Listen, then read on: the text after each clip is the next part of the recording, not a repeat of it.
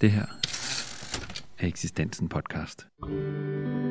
Den Nobelprismodtagende og evighedsturnerende sanger og sangskriver Bob Dylan har gennem 39 studiealbums besøgt og undersøgt eksistensen, troen, livet, politikken, kærligheden og litteraturens kringelkrogede veje. Gennem et rigt billedsprog, en musikalsk alsidighed og en karismatisk personlighed har Bob Dylan sat et uigenkaldeligt aftryk på musikken og kulturen og har formået at være lige så aktuel i dag som i 1962. I maj 2021 fylder Bob Dylan 80 år og har i sandhed haft et liv i musikkens tjeneste. I seks afsnit markerer sovnepræst Christoffer Garne og sanger, sangskriver og musiker C.S. Nielsen Bob Dylans 80 års fødselsdag ved at gennemgå Dylans værk med nedslag fra begyndelsen helt frem til i dag. Seks perioder, 6 afsnit, 30 sange fra 30 albums. Det her er første afsnit, Den store sangskat fra 1962 til 1964. Velkommen til her, vores Tour de Force igennem Bob Dylans bagkatalog fra begyndelsen til i dag, i anledning af, at vores store sangskriver og meget mere her fylder 80 år i maj 2021. Og jeg, Christoffer, og min ven Stig, der sidder her ved min side, vi har udvalgt det, vi synes er noget af det bedste, Bob Dylan har lavet, og som siger mest om ham, og som i hvert fald tegner det billede, vi gerne vil tegne af ham mest klart og tydeligt. Vi kunne have valgt alt muligt andet, nu har vi valgt det her, og vi glæder os meget til at stige ombord i universet sammen med jer, der sidder derude og lytter. Vi gør det på den måde, at vi prøver at går kronologisk frem. Vi tager øh, et nummer fra hver plade som udgangspunkt og siger noget om det i relation til sådan et mere overordnet tema. Og her den første gang skal det altså handle om Bob Dylans forhold til den store sangskat, den store amerikanske tradition, han kommer fra. Ja, og jeg, også, jeg glæder mig meget til det her, men jeg vil også lige øh, øh, indskyde i forhold til det, du siger, Christoffer, at fravalgene har jo også været smertelige, men vi, øh, vi har taget dem som mænd øhm, det er, men det er jo sådan med, med, med det her format, vi kan desværre ikke til, vi kan ikke have sangene med i, i selve podcasten, men vi, vi har en øh, playliste øh, tilknyttet, så man kan gå ind og lytte til sangene på Spotify. Og øh, så det, det må vi, det, det, det vil vi selvfølgelig opfordre folk til at gøre. Øh, men så er det så også sådan, at, at Bob Dylans værk jo øh, i sig selv er en slags samtale, fordi Bob Dylans sange øh, går jo øh, i dialog med rigtig mange ting. De går i, går i dialog med, øh, med traditionen, de går i dialog med andre værker, de går i dialog med, med øh, identitet, med national identitet, med hvad det vil sige at være menneske, med eksistensen, med tro og med forhold til andre mennesker og sådan nogle ting. Så på den måde er det nok egentlig øh, meget rimeligt, at vi fortsætter samtalen her på vores, vores egen måde. Ja. Og det første nummer, vi vil begynde med, det er på en måde også en samtale, Bob Dylan har med en af hans forbilleder og forgængere. Det er fra den allerførste plade, der simpelthen bare hedder Bob Dylan, udkommer i 1962, men er indspillet allerede i 61, mener jeg nok, i hvert fald lang tid før. Øhm, og, og de fleste af sangene på det album er sådan gamle folkesange og blues-sange og sådan noget, som Dylan giver sin egen fortolkning af. Der er en øh, eller to sangretter, som i højere grad kan man sige er hans egen komposition. Og den, vi har valgt, er øh, den sang, der hedder Song to Woody. Og den starter simpelthen meget ikonisk med følgende to linjer. I'm out here a thousand miles from my home, walking a road other men have gone down. Den unge digter, han er på vej ud af en sti, tusinder af mil hjemmefra. Han er på vej væk, men der er altså gået en masse andre foran ham. Og en af dem synger han så sangen her til, og det er hans store forbillede, Woody Guthrie. Hvem var han, Stig? Woody Guthrie, uh, Woodrow Wilson Guthrie, var uh, uh, født i, i Okima, Oklahoma i 1912, kaldt op efter præsident Wilson. Hans far var, var uh, meget optaget af ham. Og Woody Guthrie blev uh, en arbejder, en uh, aktivist, en sangskriver, poet, uh, kunstner, og soldat igennem øh, mange år, og blev sådan en øh, stamfar til, hvad skal vi sige, politisk folkemusik i USA. Mm. Øh, fagforeningsaktivister øh, og sådan nogle ting. Han, han, var aldrig, han, han var aldrig kommunist. Han var, han var i hvert fald ikke medlem af det kommunistiske parti, men han var, han var, øh, han var en del af, af, af venstrefløjen og, og, og, og de, de venstre aktivistiske øh, folkesangere.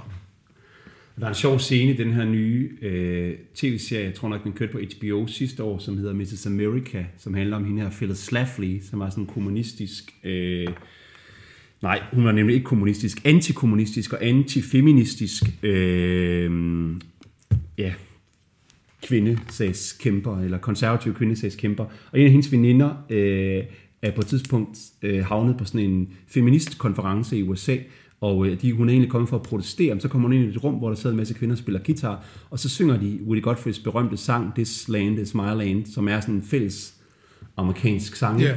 Og, så, og så bryder hun ud i jubel, og, og så fortæller de hende, at det er en kommunistisk sang, og det siger hun, det er i hvert fald ikke, den synger de hjemme hos hende, hos de konservative øh, kvinder. Undskyld, det var et sidespor, men det siger noget om den bredde, der er ja, i ham. Og Dylan lærer ham altså at kende som ganske ung mand, øh, opsøger ham simpelthen. Dylan hørte, Dylan hørte nogle plader øh, øh, af, af Woodys hos en, en, en ven i Minnesota. Dylan, vi har jo ikke kommet ind på Dylans baggrund og så videre, men det er jo også mest hans musik, vi, det, det her handler om. Men øh, Dylan kommer fra Minnesota, og angiveligt handlede det meget om, at, han, at Dylan ville møde Woody. At han øh, blaffede til New York i 1960 og øh, opsøgte Woody, som var syg og havde været syg i mange år. Øh, han havde det, der hedder Huntingtons chorea, øh, som er sådan en nervesygdom. Så han lå på øh, Greystone Hospital i, i øh, New Jersey, tror jeg det var, mm. øh, hvor, hvor Dylan opsøgte ham og, øh, og, og fik et slags venskab med ham. Og så går der den her øh, fantastiske historie om, at Woody Godfrey, øh, som vel på det tidspunkt er ved at være ved slutningen af sin karriere. Han havde ikke nogen karriere Nej, i mange år. Han, han døde i 67. Ja. Øh, ja. Men han, han, øh, Godfrey Godfrey lover altså Bob Dylan, at, at Dylan må arve en kasse med, med sangtekster, han har, mm. han har liggende. Og øh, da så Dylan kommer og, øh, til familien og vil have den her kasse, så ved de ingenting om det her. Den kasse, den dukker så op igen øh, 25 år senere, eller sådan noget. Øh, og, og, øh, og der, er, der laver bandet Wilco sammen med sangeren Billy Bragg så tre fantastiske plader ud af de her gamle sangtekster, som hedder Mermaid Avenue. Mm. Men man kan også sige, at Bob Dylan har jo ikke brug for den kasse med Woody Godfreys tekster, fordi han er allerede på det tidspunkt godt i gang med at sakse og klippe og videreskrive og lave sine egne bearbejdelser af, af andres sange og, og lige så langsomt at skrive sin egne sange ud af alle de her stumper og stykker, han finder i traditionen. Og den her sang, Song to Woody, den er vel også lavet over en af, af Woody Godfreys andre sange, ikke? Ja, den er baseret på Woody's uh, 1913 Massacre, og den er angiveligt, at det skulle være den første sang, Bob Dylan skrev, efter han kom til New York, simpelthen. Ja. Og en af de allerførste sange, han skrev, i hvert fald sådan seriøse sange. Ja. Og hvad handler den om? Altså, det er en, det er en hyldest til Woody Godfrey, øh, og, og, og den unge digters forsøg på selv at skrive en sang. Ja, det, det er en hyldest og, og, og en, en form for øh, spejling af sig selv, og det, det er, som vi talte om før, han, han rister en, en, en rune til, til sit forbillede på, på en eller anden måde, men samtidig så, så måler han sig også i forhold til ham, øh, og, og, og, og han måler sig på den måde, at han, han, han siger, at der er ikke mange mænd, der har gjort det, du har gjort, Woody, eller det, som Woody har gjort, og det er jo inklusivt ja. Dylan selv selvfølgelig. Ja, det men, kan han nemlig også, ikke? Ja, han kan, ja. ja men, han kan også, men han kan også gøre det, som Woody har gjort. Nå, jo, det er det, det, han vil her. Ja, men det, det kan han sådan set ikke, fordi han, han slutter med at sige, uh, the very last thing that I'd want to do is to say, I've been hitting some hard traveling too. Og en af Woodys sange hedder Hard Traveling. Ja. Øhm, så, så det han siger er egentlig, at det sidste han vil gøre, er at kunne sige, at han er ligesom Woody. Ja. Men med det siger han jo også, at han måske kommer til det, og det er jo, som vi kender Bob Dylan i dag, vil man jo sige, at han har rejst mange flere mil, end Woody Guthrie nogensinde kom til. Men alligevel, altså, det, det, selvbevidstheden er til stede, ikke? Og, og man kan også sige, i andet vers i den her sang, som jeg alligevel læser op, der, der, det er sådan stille og roligt og hyggeligt øh, på en måde. Jeg har skrevet en sang til Woody Godfrey, men alligevel så er det, så er det også den unge digter, der begynder at have små profetiske ambitioner, hvor han vil skildre samtiden. Prøv at høre her, ikke? Hey, hey, Woody Godfrey, I wrote you a song about a funny old world that's a coming along. Hey, du Woody, jeg har skrevet en sang om den her mærkelige verden, ikke? Seems sick and it's hungry, it's tired and it's torn, it's look, it looks like it's a dying and it's hardly been born. Ikke? Det er virkelig en verden, som på mange måder kan se rigtig skidt og sulten og træt og ødelagt ud, som om den er ved at dø, men samtidig er den så ung, så der er også masser af håb. Og det er meget, synes jeg meget, det er jo meget, altså når man kender karrieren, kigger, kigger baglæns tilbage på det, så er det jo meget flot optakt, må man sige, til Det må en man sige, karriere, og, ikke? og- og det er jo også sy, altså Dylan ser allerede verden her, ikke? altså it seems sick. Han, han, han ser, han bruger sine øjne, han er, han er visionær Mm. allerede på det her tidspunkt. Ikke? Øhm, og, og, og, og det er jo, der tager han udgangspunkt i, i, i Woody Guthrie, som jo selv øh, så verden, og som selv øh, pointerede verdens uretfærdigheder. Øh, men Dylan ser noget andet alligevel, og, og, og er klar til at, at, at rapportere om, hvad det er, han ser. Ja.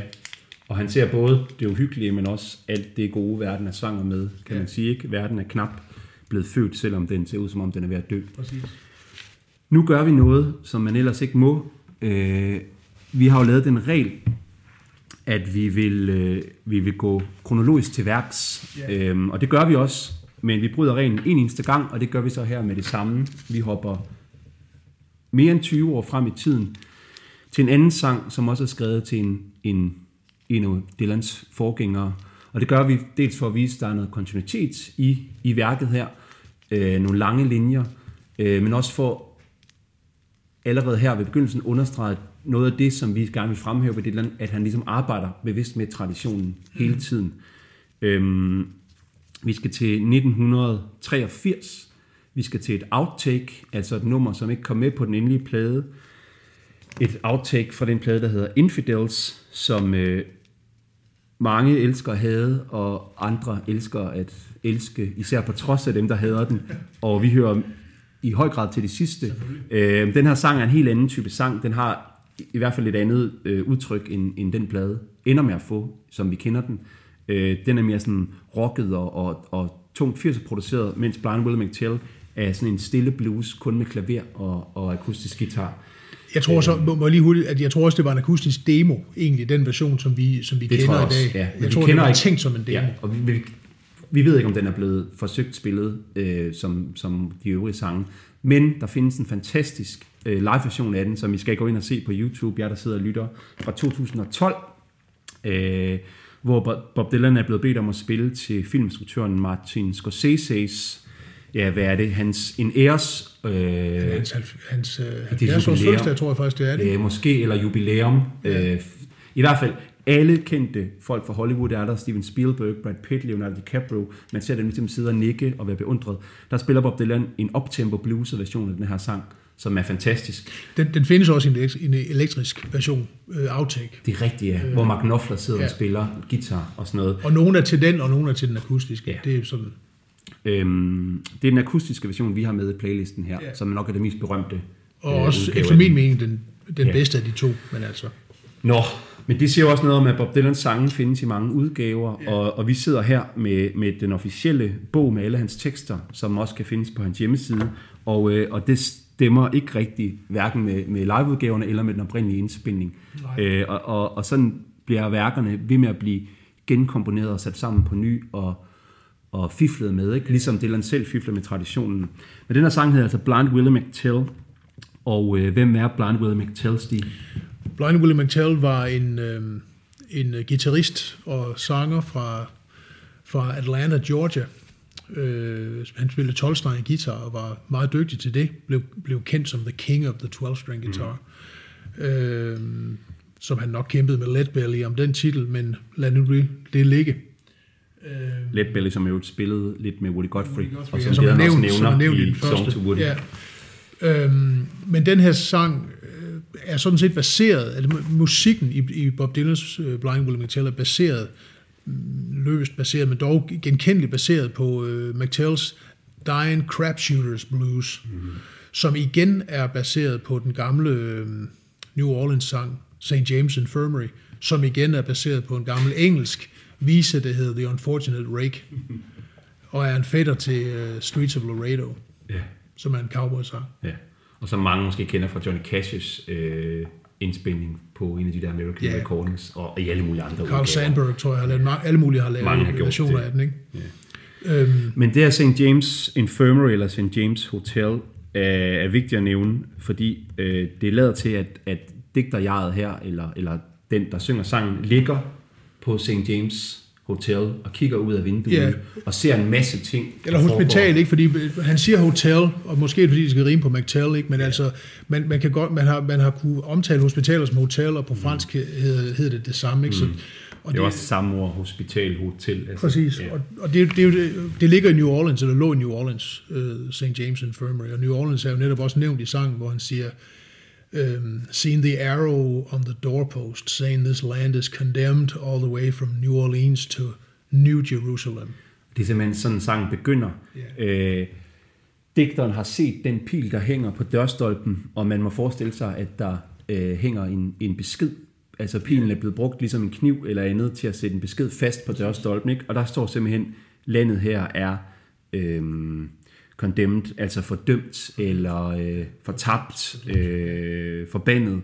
Hele vejen fra, nu er jeg ikke så god til amerikansk geografi, men hele vejen fra New Orleans og så til, til Jerusalem. Altså, øh, det kan også være det rigtige Jerusalem. Ja, han synger, altså på, på, den, på demoversionen her, synger han bare Jerusalem, men altså i alle live-versioner øh, sidenhen, da han begyndte at, at spille den live, der han altid sunget New Jerusalem. Vel nok for at sige, at det, han ikke tænker på øh, den mellemøstlige by nødvendigvis, men han tænker på, en, på den åndelige øh, Ja. himmelske stad. Ikke? Ja, ja, eller på det, det nye land i USA, hvor man har forsøgt at realisere Guds rige lige så stille. Det er måske for meget sagt, men i hvert fald, øh, Måske. Jeg, jeg, jeg, tror, jeg tror mere, det er sådan en, en dommedags, øh, at, at det er sådan en apokalypt, eller noget apokalyptisk i det, egentlig. At der både er noget, noget tid, noget, noget øh, øh, øh hvad skal man sige, øh, øh, det, det, det er både noget med sted at gøre, fra det, fra det sted til det sted, men der også ligger noget øh, i, imellem. Ja, Det, den, det er denne side, og det, og en side. det, Ja. og det ene side. Så ikke? verden ligger sådan set fortabt, ikke? Ja. Og, og her møder vi den Bob Dylan, som, som vi skal møde rigtig mange gange. En slags svoglprædikant eller profet, som, ja.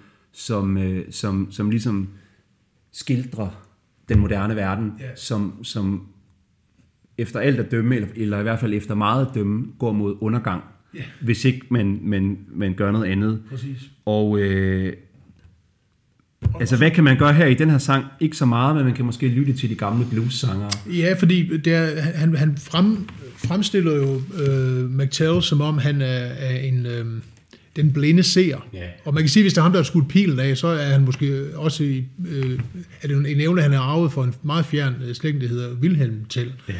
Øhm, Som altså er den en middelalderlig savnheld, der, Ja. der kan skyde et æble af sin søns hoved. Ikke? Præcis. Ja. øh, så, så, så man kan sige, at han, han bruger McTell som et billede på den her, den der, den der sidder og synger øh, Amerikas blues og fremmaner alle de her billeder, som sangen består af, øh, som er sådan en slags syndefaldsbilleder af USA. Ikke? Mm. Og kan sige, den her sang er der ikke så meget at gøre, men kan, I can tell you one thing. Yeah. Der er en ting, han kan sige.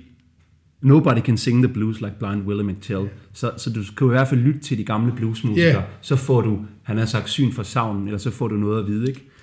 Men, men jo, når vi nævner det her, er det jo fordi, at den her sanger, der, der, der, der putter pilen på dørstolpen og, og, og fortæller, hvad der sker i samtiden, det er jo i høj grad den rolle, Dylan han gerne Ja, indtager. præcis, det er en hyldest, men det er også en ident- identifikation Ja, ja, med ham. ja. Og må jeg lige også lige sige, altså, well, God is in his heaven, and we all want what's his, but power and greed and corruptible seed seem to be all that there is. Det er jo simpelthen, altså, der kommer svogelprofeten jo virkelig også frem her, ikke? Gud sidder op i sin himmel, og vi prøver at være engle, der kravler op øh, og, og tilrender os magten. Det kan vi ikke finde ud af. Nej. Så, så hvad må vi gøre? Vi må komme ned på jorden og, og, og lytte til svoldprædikanterne, og måske finde en ny orientering. Og når vi lige har hoppet frem her, så er det jo ligesom for at prøve at, at, at indfange den her, det lands øh, selvidentifikation som en slags profet, men også som en, der hele tiden arbejder med den lange tradition af, Præcis. af folk, der, der skriver sange.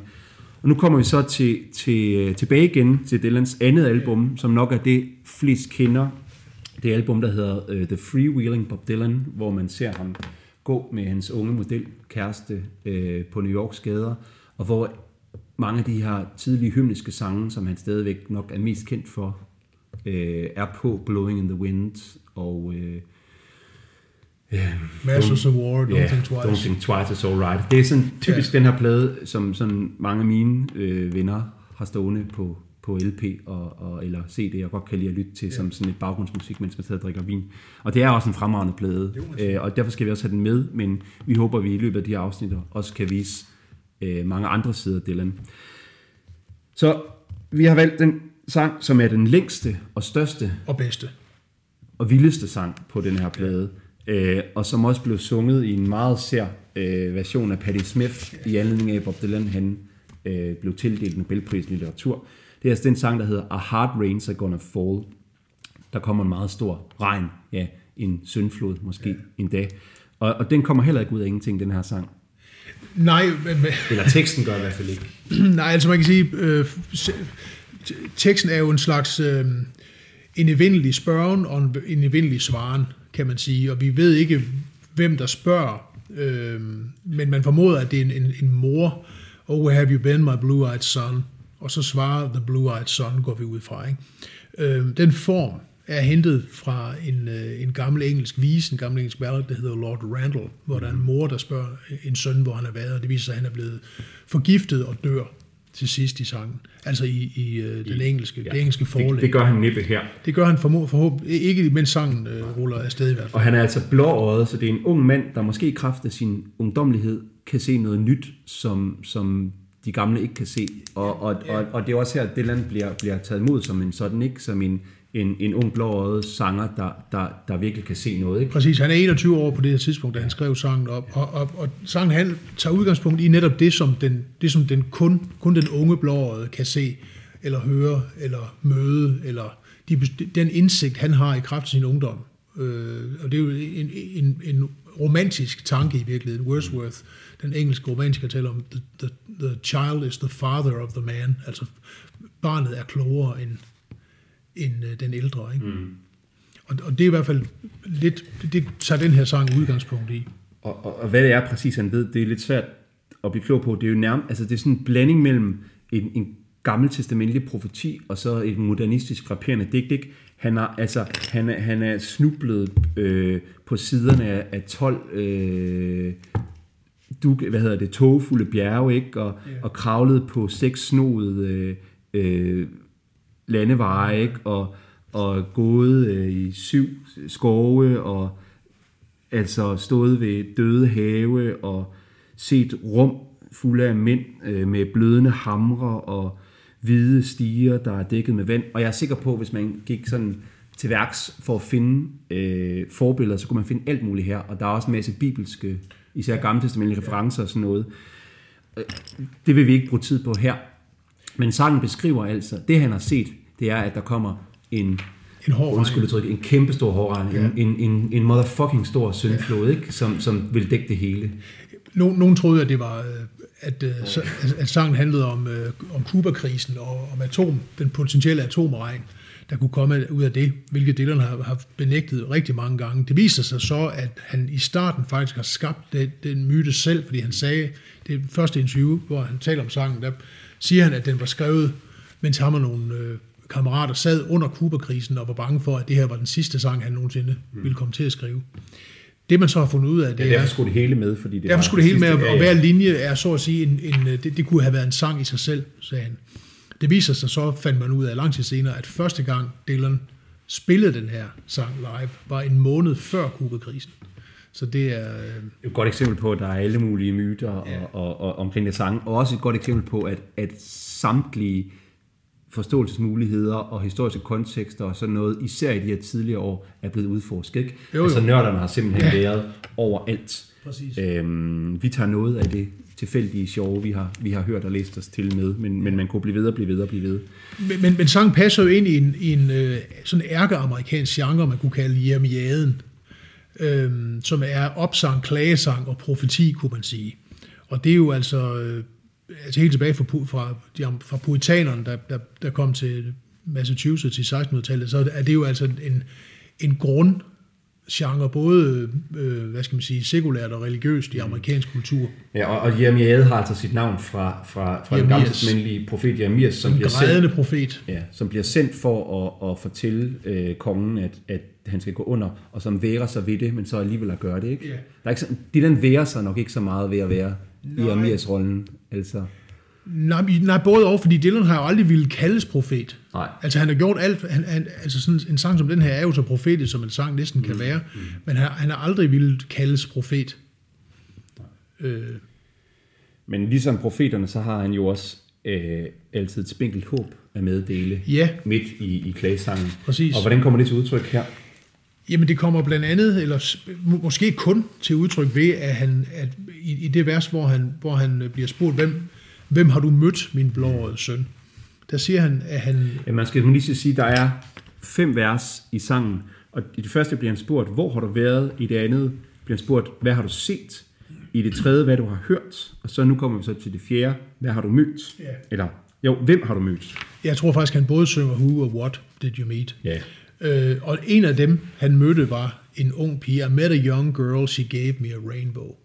Og, og hvis, nu vi, hvis nu vi hører den hårde regn som, som øh, syndfloden, altså mm. som, som den regn, der, der fik Noahs ark øh, øh, ud at sejle, kan man sige, så er den her unge pige, og den regnbue, hun kommer med, er jo altså et tegn på, at, at, at vandet vil, vil trække sig tilbage igen.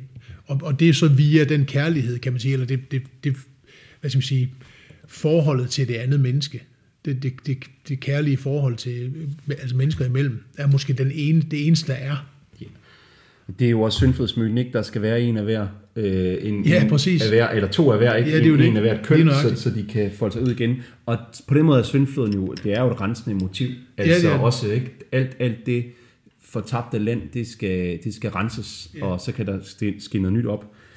Altså, og lige efter det her med, at han møder den unge pige, der giver ham en regnbue, så nævner han, at han har mødt en mand, som var såret af kærlighed, og en mand, som var såret af had. Ja. Og det kan man sige, det er de to veje, verden kan gå. Præcis. Øh, og de kristne vil jo så se, en, øh, eller de kristne læsere af Bob Dylan, som har meget at hente, kan man sige, de vil jo så se øh, den, den sårede, den mand, der er såret af kærlighed, som en Jesus eller en slags frelseskikkelse. Ikke? Så den unge øh, sekulære jøde her, han, han, han har altså noget øh, nærmest kristen profetisk over sig i sine små antydninger. Det kommer vi til at tale om meget mere i et andet afsnit. Men må jeg også lige sige, at slutningen på det, nu, nu nævnte vi, vi snakker om i, i forhold til Songs of Woody, at der var sådan en slags næsten programskrift i slutningen af sangen, hvad det sidste han ville gøre, var den at hit some hard traveling.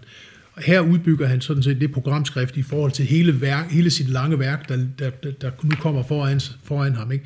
Hvor, han, hvor han bliver spurgt, øh, hvad vil du gøre nu, min blåøjede søn? Hvor han så siger, han vil, han vil gå ud der, lige inden regnen. Regnen kommer, men han vil gå ud i verden. Han vil ikke gemme sig øh, bag ved stenen eller noget som helst. Han vil gå ud i verden og være klar til regnen og tage imod den. Og så siger han, and I'll tell it and think it and speak it and breathe it and reflect it from the mountains so all souls can see it. Then I'll stand on the ocean until I start sinking. But I'll know my song well before I start singing. And it's a hard rain, so gonna fall. Og det er jo det, Bob Dylan har gjort, og- for så vidt stadigvæk gør, når corona tillader ham, for, forhåbentlig, God willing, at stå på scenen igen. Fortælle om alt det, han har set og hørt, Ja. og så vi også måske kan tage det til sig.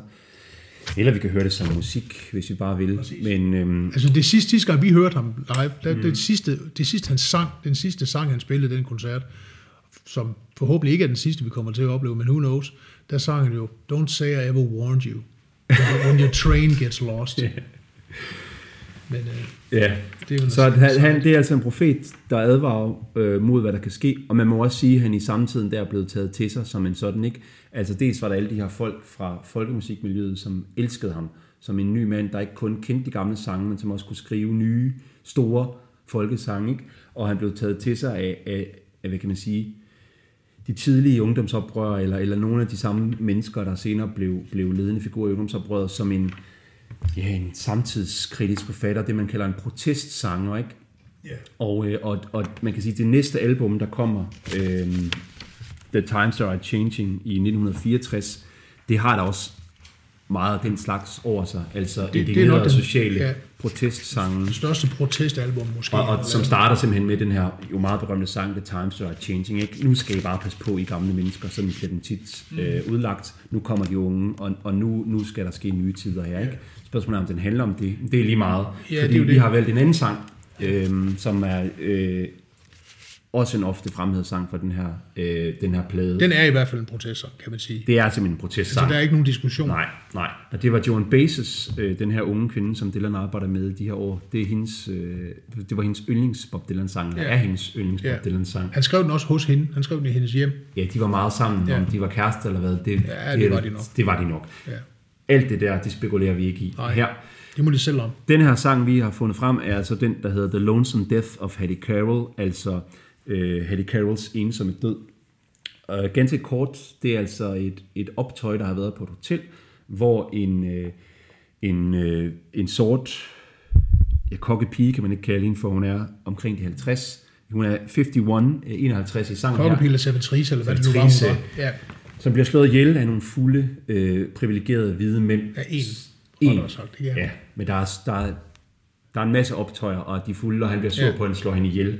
Øh, og, og det er meget forfærdeligt, og han får en, en alt for lille straf. Men det viser sig også i virkeligheden, hvis man graver i det, at Dylan har også været med til at skabe en masse overdrivelser og misforståelser. Dylan baserede teksten på en, øh, en enkelt avisartikel, Ja, og den var meget øh, fejl, der var utrolig mange fejl i den. og det vidste han godt.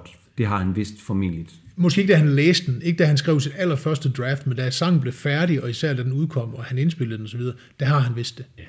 Så det er jo også for, at det siger vi også for at sige, at Dylan er måske ikke i så ligefrem forstand en, en protestsanger. Han finder et materiale i samtiden, yeah. eller i fortiden, øh, eller i litteraturen, eller et andet sted, og så, så skriver han en større, eller ikke nødvendigvis en større, men han, han smider noget andet ud af det, kan man sige. Ikke? Han laver kunst på det. Og, og, øh, og det gør han også her.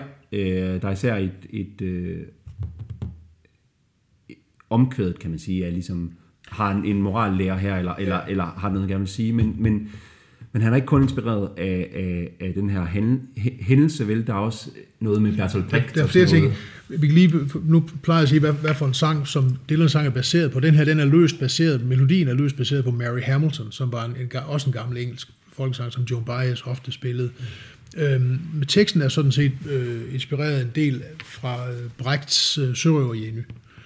Øh, Så Bertolt Brecht, den Bertolt tyske, øh, ja, hvad skal man kalde ham, modernistiske komedieskaber, præcis. ja. Og, og, og øhm, eller dramaturg, forfatter. Præcis, han er jo multikunstner, må man sige. Ikke? Men altså, øhm, Bertolt Brecht var jo kendt for at, at, at være modstander af sentimentalitet, og af e- egentlig også at lade følelserne overtage øhm, øh, ens vurdering af en situation, eller ens vurdering af verden. Han vil gerne have, at, at fornuften kom først. Og den her sang handler, den, den handler sådan set om tårer, og den handler om, hvornår man skal græde. Fordi omkvædet, der, der, der, der, den siger jo, øhm, But you, You who philosophize. philosophize, disgrace, and criticize all fears, take the rag away from your face, now ain't the time for your tears. Ja. Altså alle I, som skulle tale om unåde og, og kritisere frygt, I skal ikke tørre jeres tårer i ansigtet nu, for det er ikke nu, I skal græde. i virkeligheden er det jo alle dem, som, som, tænker, som har samfundssind, kunne man sige, eller dem, som, som, som øh, tænker sig et samfund, og tænker sig, hvordan et samfund er retfærdigt, og hvordan et samfund er uretfærdigt. Mm. De skal vente med at græde, fordi sagen er, at øh, man, man, man, kan, man kan jo tænke, man, man burde jo græde, når den her stakkels kvinde bliver, øh, bliver slået ihjel på en, en så bestialsk og, og urimelig måde, som det sker. Men det siger Dylan, nej, I skal ikke græde endnu. Altså alle I, der tænker på, på øh, der, der filosoferer omkring staten, og, og filosoferer omkring retfærdighed og uretfærdighed, I skal vente med at græde. Og, og hvornår, skal, hvornår skal, må de så græde overhovedet? Det må de, når Til allersidst i til sangen. allersidst, hvor dommeren slår sin, slår sin øh, hammer i bordet og, og, og tildeler morderen seks måneders fængsel. Og, og, og, og det kan man selvfølgelig være uenig i præmissen for den sang. Eller, I øvrigt er det interessant at sige, at, at der jo ikke står et eneste sted, at Hattie Carroll var sort. Nej, det Og det, og det er jo en af de stærke, en, en af flere stærke ting ved den her sang. Så hun var en mor, ikke? Til 10 Hun var og, mor, ja. og 51 år. Ja. Og, og, og, øh, Og der står og heller ikke, at Singer var, var hvid, men, men det, Nej. det, kan vi, det ved vi godt, når vi hører sangen. Men, men pointen er jo, at hun er et menneske. Ikke også? Og, og det er jo det, der er Dylans... Øh, øh, det er jo derfor, at, at, at, at hendes liv selvfølgelig øh, skal generere en større straf, straf end 6 måneder, uanset hendes hudfarve, uanset San Singers hudfarve. Mm. Men i- ifølge, eller øh, øh, jævnført det der med Brecht, så er, er versene også øh, interessante, fordi Øhm, og det er noget, Christopher Ricks, den gamle engelske litteraturprofessor, pointerer, at, at alle versene, øh, de, de rimer ikke konsekvent i linjerne, men alle linjerne er det, der hedder de her feminine endelser, det vil sige de her tryk, tryksvage endelser. På nær det ene sted, hvor mordet sker, mm. der er der tryk øh, stærke endelser. Kan du... Hvor hun, altså, hun bliver slået ihjel. Got killed by a blow, lay slain by a cane. Det er jo simpelthen cane, det er en stok, men ja. det, det, det lyder jo også som Kain, den ja. første af alle morder og brodermorderen, ikke? Så det er jo også en, Et, et hvert mor, kan man sige. et hvert mord, den her sang Ja. handler om, og, og, og øh, en opfordring til at bruge følelserne og fornuften i det rette tempererede forhold, ikke? Jo. Man skal udmåle de korrekte og formentlig ret strenge straffe. Der er Dylan jo ikke sådan venstreorienteret i, i moderne forstand, men måske en ældre forstand, at man tager den, den forrettedes part, og så kræver hårde straffe over, over øh, øh, den dømte. Øhm, og vi skal græde, når vi ser uretfærdighed, når vi, når vi ser uretfærdighed måske endda skal fyldes, der kommer mange sange senere, som også handler om, om, om folk, der ikke, øh, hvad skal man sige, som bliver uretfærdigt dømt eller sådan noget. Ikke? Og det er simpelthen et, et, et, et tema for ham. Øh, der skal være koldsindig retfærdighed, og så skal der være øh, sårede følelser og tårer på de rette tidspunkter. Præcis. Øhm, Og han har sange om begge slags tårer. det må man sige. Og nu, der kommer også nogle tårer i, den, i det sidste sang, vi, vil- vi vil komme til her i det her øh, afsnit. Øhm, nu skal vi til den næste plade, som også kommer i 64. Øhm, og det er en plade, der bærer titlen Another Side of Bob Dylan. Og allerede her kan man høre, at Dylan vil gerne på en eller anden måde justere sit image, ja. eller i hvert fald Han er vise på vej et andet sted hen. vise os, eller vise sin samtid en, en anden side af sig selv. Og, øh, og, og øh, den klassiske fortælling, som jeg også synes har meget på sig, er, han vil ikke holde fast i det her folkemusik og protestsanger miljø. Han er noget meget mere. Han er en digter, skal. Øh, Whoopi, I'm a poet, and I know it, hope I don't blow it, synger han på en af, en af sangene. Ikke? Så han er en digter, og han vil også synge om, om fjollede optrin, som han gør på den her plade, om, øh, om store følelser, om kærlighed, om frihed og alt muligt. Øh, vi kunne... Vi kunne Og han øh, vi- grine, han kan grine med, de, med, med The Liberals endda på ja, den plade. ja.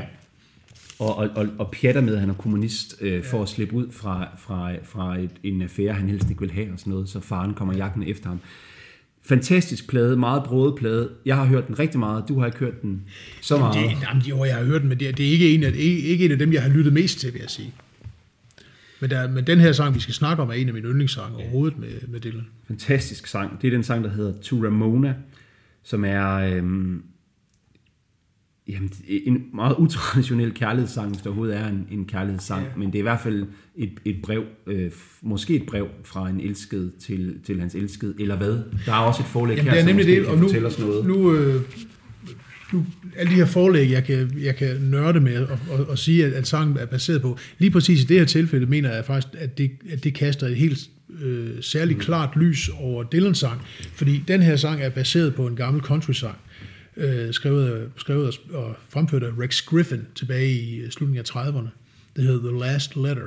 Og The Last Letter er en, en, en, en selvmordsnote, simpelthen. En forsmået mand, der skriver et, et selvmordsbrev til, til sin kæreste, eller øh, hvad det nu er. Hun har fundet en anden.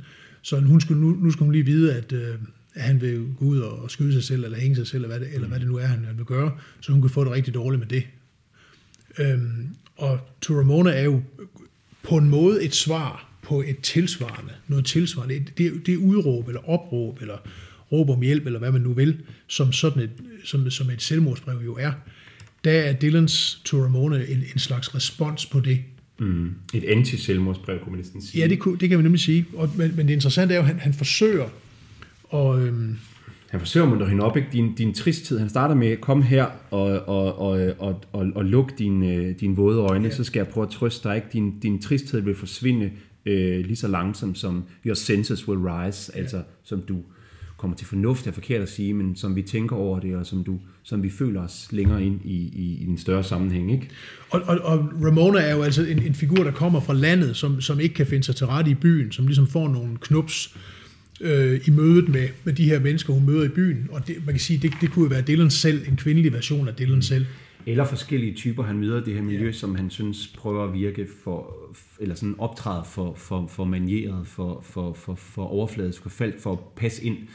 Det er lige meget. Fordi det, det, det ved vi ikke noget Det er nej, også lige meget. men det er, hvis man skal lave det ja, biografisk. Ja, men det, det er jo ikke for at lave det biografisk, det er nej. bare for, for at karakterisere, øh, øh, ja. hvem Ramona er. Men altså, han, han siger, It grieves my heart, love, to see you trying to be a part of, fantastisk rimhed, ikke ja. rim, ikke? A world that just don't exist. Jeg, jeg, det, jeg forsår i hjertet, når jeg ser dig prøve at passe ind ja, i en eller anden falsk verden, som du bilder selv ind, du ja. skal passe i. Så hun er, altså, hun er blevet bragt til grænsen, og og jo måske, altså, øh, selvom der ikke er nogen efter hende, så, så er hun måske alligevel på randen af et selvmord. Ja, hun ved ikke, om hun skal tage tilbage til sydstaterne, hvor hun kommer fra, eller om hun skal gøre en ende på det hele, så at sige. Mm. Og, og, han, og han forsøger jo at sige at, til hende, at, at, øh, at, du, at der, der er ingen, øh, du, du skal ikke lade dig, lade dig, lade dig tryne af de der... Øh, de der forfængelige koder, der nu er, du nu er ramt af, så videre, så videre. Men så, så, kommer, så kommer han sådan set lidt til kort i forhold til sin egen opmundring og siger, at jeg kan jo ikke sige noget. Jeg kan jo ikke sige noget til dig. Det hele er jo meningsløst, hvad end jeg siger. Du skal selv, du skal selv ligesom træffe Ja, det er ikke meningsløst, men han kan i hvert fald ikke hjælpe hende. Altså, øh, du må gøre, hvad du selv synes, du skal gøre. So my words would, would turn into a meaning, meaningless ring, ja, ja, simpelthen. Ja, ikke? Ja. Øhm, så du må gøre, hvad du, hvad du selv må gøre. Øh, og på den måde er, ligner sangen jo en, en eksistentialistisk sang, kan man mm. sige. Vi, vi kan ikke, der er ingen, der ved, hvad der er op og ned. Alt er, alt er sådan set meningsløst. Vi ja. skal selv finde... Det er dit eget valg, det, det handler om. Alt handler om ens eget valg. Mm. Og den forbliver eksistentialistisk på en måde, men så siger han til sidst, at det eneste, han kan sige, det er, at en gang kan det være, det er mig, der kommer til dig og beder dig om at tale mig ud af måske et selvmord, eller i hvert fald ud af en depression, eller ud af at have det dårligt, eller hvad det nu måtte være. Så, så på det tidspunkt er det mig, der har brug for dig. Og, og måske er det det eneste argument, det er i hvert fald det, det, det sangen slutter med. Måske det er det, man har som menneske. Ikke? Altså man har det, at man kan være et menneske over for, for den anden. Tu es ergo sum, kunne man sige. ja, altså, ja, du, du er, er derfor er jeg. Ja. Someday maybe, who knows, baby, I'll come and be crying to you. Yeah vi er forbundet med hinanden, vi, vi er konstitueret i forhold til den anden, ikke? Yeah. Og det er også en, en strøm i, i den senere eksistentialisme, som, som vil sige en filosof som Levinas, der er ligesom øh, Dylan jo, der jo er jøde, altså, yeah. øh, og ikke sådan en, en vestlig postkristen i den forstand. Men det er, hvad det er. Men det springer jo også eksistentialismen, kunne man sige, ikke? At i den mere traditionelle øh, forstand, og, og gør det til, til, til noget, der handler mere om etik. Ja. Så her i første afsnit, som hermed er ved at blive bragt til ende, der har vi altså mødt en Dylan, der træder ud af, af skyggerne af den store amerikanske sangskat og finder sin egen stemme, men en stemme, der i den grad klinger med traditionens vægt, ikke? og også taler ind i samtiden, og som er svær at måske sætte et bestemt stempel på, men som i den grad har noget eksistentielt tyngde og, og et, en etisk bevidsthed, og som som kalder os til at gøre noget for hinanden og den verden, vi er. Ikke? Altså, det synes jeg ikke, man skal være bange for at fremhæve. Det er et land, som også kan være postmoderne og drillende og fjollende, men som et, et, et bund og grund moralsk menneske. Præcis, men også et, rod, altså et, et restløst og rodfæstet menneske. Fordi som han synger, synger i Song to Woody, ikke? han synger til de mænd, the men who come with the dust and are gone with the wind. Og det er jo, han, er jo, han er jo jorden tro, som Nietzsche vil sige, men, men det, er den, det er den restløse den restløse jord, det er den støv, der, be, der bevæger sig, der kan blive påvirket af inspirationens mm. vinde, så at sige. Og dermed også påvirke andre. Ja. ja. Det var det. Næste gang, så bliver det elektrisk, og øh, det glæder vi os meget til. Vi håber, I har nyt at være med, og vi håber, I vil være med de næste fem gange også. Tak for nu. Tak for nu. Du har lyttet til Bob Dylan 80 år i musikkens tjeneste – med Christoffer Garne og C.S. Nielsen. Næste afsnit ligger allerede klar i dit feed. Hvis du vil have mere Dylan, kan du læse bogen Sange ved himlens port, Bob Dylans bibelske inspirationskilder af forfatter Jakob Brøndum, som er udgivet på Eksistensen. Du kan finde flere podcasts fra Eksistensen i din podcast-app eller på eksistensen.dk. Du er altid velkommen til at abonnere, hvis du vil følge med i fremtidige udgivelser. Tusind tak, fordi du lyttede med.